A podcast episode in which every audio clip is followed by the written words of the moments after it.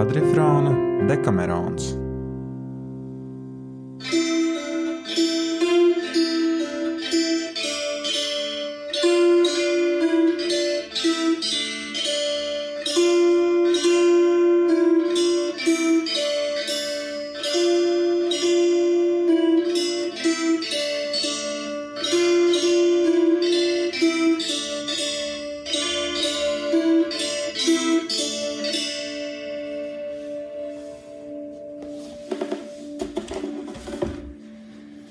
Pienākusi mana dekamerona novelas lasīšanas diena.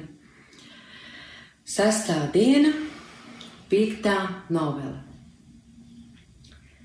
Mesers Foreze de Rabata un maestro Giotto glaznotājs atgriežoties no Mugello izsmeja viens otra nožēlojamo izskatu.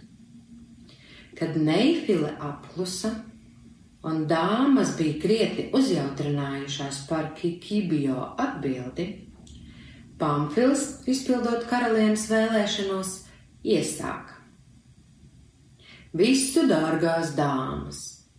Tāpat kā liktenis zem nicināmiem amatiem dažreiz slēpjas lielākos un vērtīgākos tikumus, kā mums to nesen parādīja Pampineja, daba zem visnejaukākās cilvēka ārienes dažkārt slēp visbrīnišķīgākās gara spējas.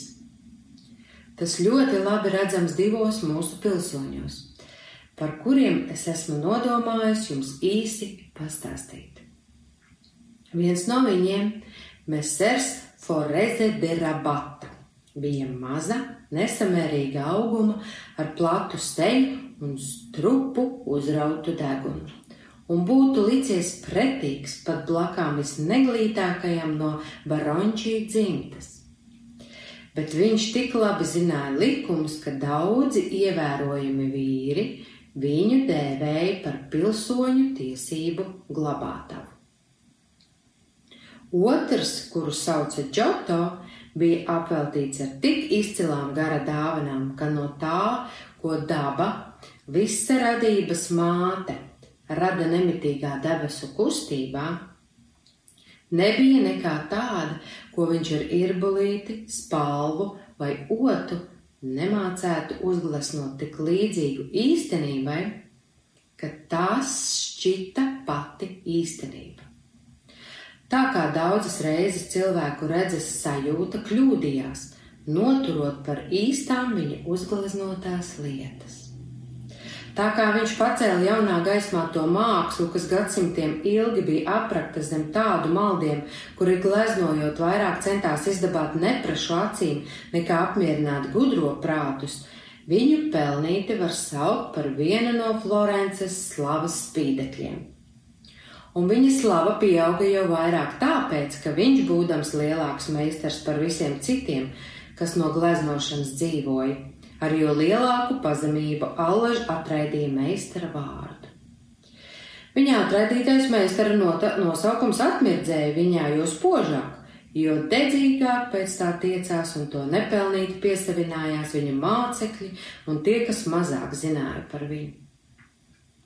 Bet, nu, lai gan viņa meistarība bija ārkārtīgi liela, tāpēc viņš ne pēc auguma, ne sejas nebija daļāks par meseru Foresi. Taču pievēršoties savai novelai, es saku, mēs ceram Forezam un Džoto piederēja īpašumu Moģēlo apkaimē, un kad mēs ar Foreze kādu no tām vasaras dienām, kad tiesa nestrādā, bija devies apskatīt savus īpašumus, viņš atpakaļceļā, jādams ar nožēlojumu kleperi, nejauši sastapa jau pieminēto Džoto, kas arī apskatījis savus īpašumus atgriezās Florencē. Skatoties pēc zirga un apģērba, Džoto nekādā ziņā nebija labāks par Forezi. Un būdami abi vecāki vīri, viņi lēnos soļos turpināja ceļu kopā. Tad, kā bieži vasarā mēdz gadīties, viņus pārsteidza pēkšņa lietusgāze no kuras cik ātri varēdami viņa paglābās kāda zemnieka sētā, kurš bija abu draugs un paziņa. Pēc neilga laika, tā kā lietus vēl netaisījās pārstāt, bet viņa jau šodien vēlējās nokļūt Florencē, viņa aizņēmās no zemnieka divus vecus nekrāsotas vadmalas mēteļus un divas cepures. No vecuma pavisam izdilušas, jo labāku zemniekam nebija, un turpināja ceļu. Un tā, kādu brīdi jājuši, no lietus izmirkuši cauri un cauri, no zirga pakaviem visnotaļ apšrakstīti dubļiem, kas viss nepadara izskatu cienījamāku. Viņi ilgi bija jājuši klusēdami. Laikam kaut cik noskod, noskaidrojoties, sāka sarunāties.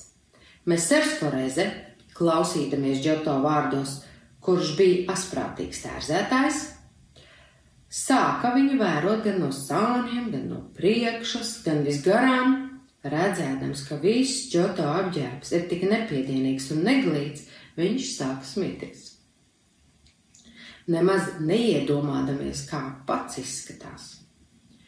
Džoto, ja pašreiz mums pretī nāktu kāds svešinieks, kas tevi nekad nebūtu redzējis, vai tu domā, ka viņš noticētu, ka tu esi vislabākais gleznotājs pasaulē, kāds tu patiesi esi?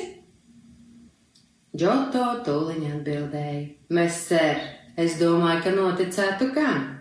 Ja paskatījies uz jums, spētu noticēt, ka jūs protat ābeci. To dzirdēdams, Mēsers Forēzē atzina savu kļūdu un saprata, ka viņam samaksāts tik, cik vērtas viņa preces.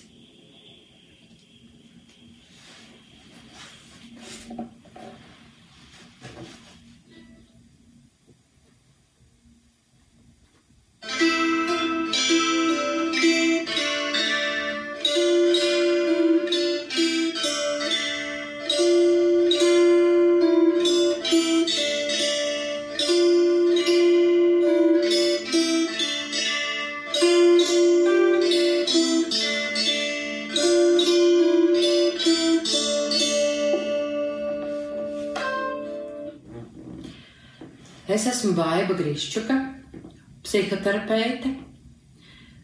Šobrīd um, ar savu ģimeni dzīvoju Islandē, bet strādāju Latvijā tiešsaistē, kā jau liela daļa arī Latvijas iedzīvotāju. Kāpēc es piedalījos um, šajā projektā? Man, protams, ļoti pietrūks teātra, kultūras, koncerti Un es domāju, ka ne man vienai. Un man likās, ka esot kāda daļiņa no tā, esmu tuvāk savai tautai, savai dzimtenei, cilvēkiem un pati sev. Un man liekas, ka šajā stāstā ir tāds labs vēlējums visiem pamanīt savā acīs kabārgu un uh, nemeklēt cita acīs baļķus un vienmēr sākt ar sevi un tad ar citiem. Jauku jums dienu!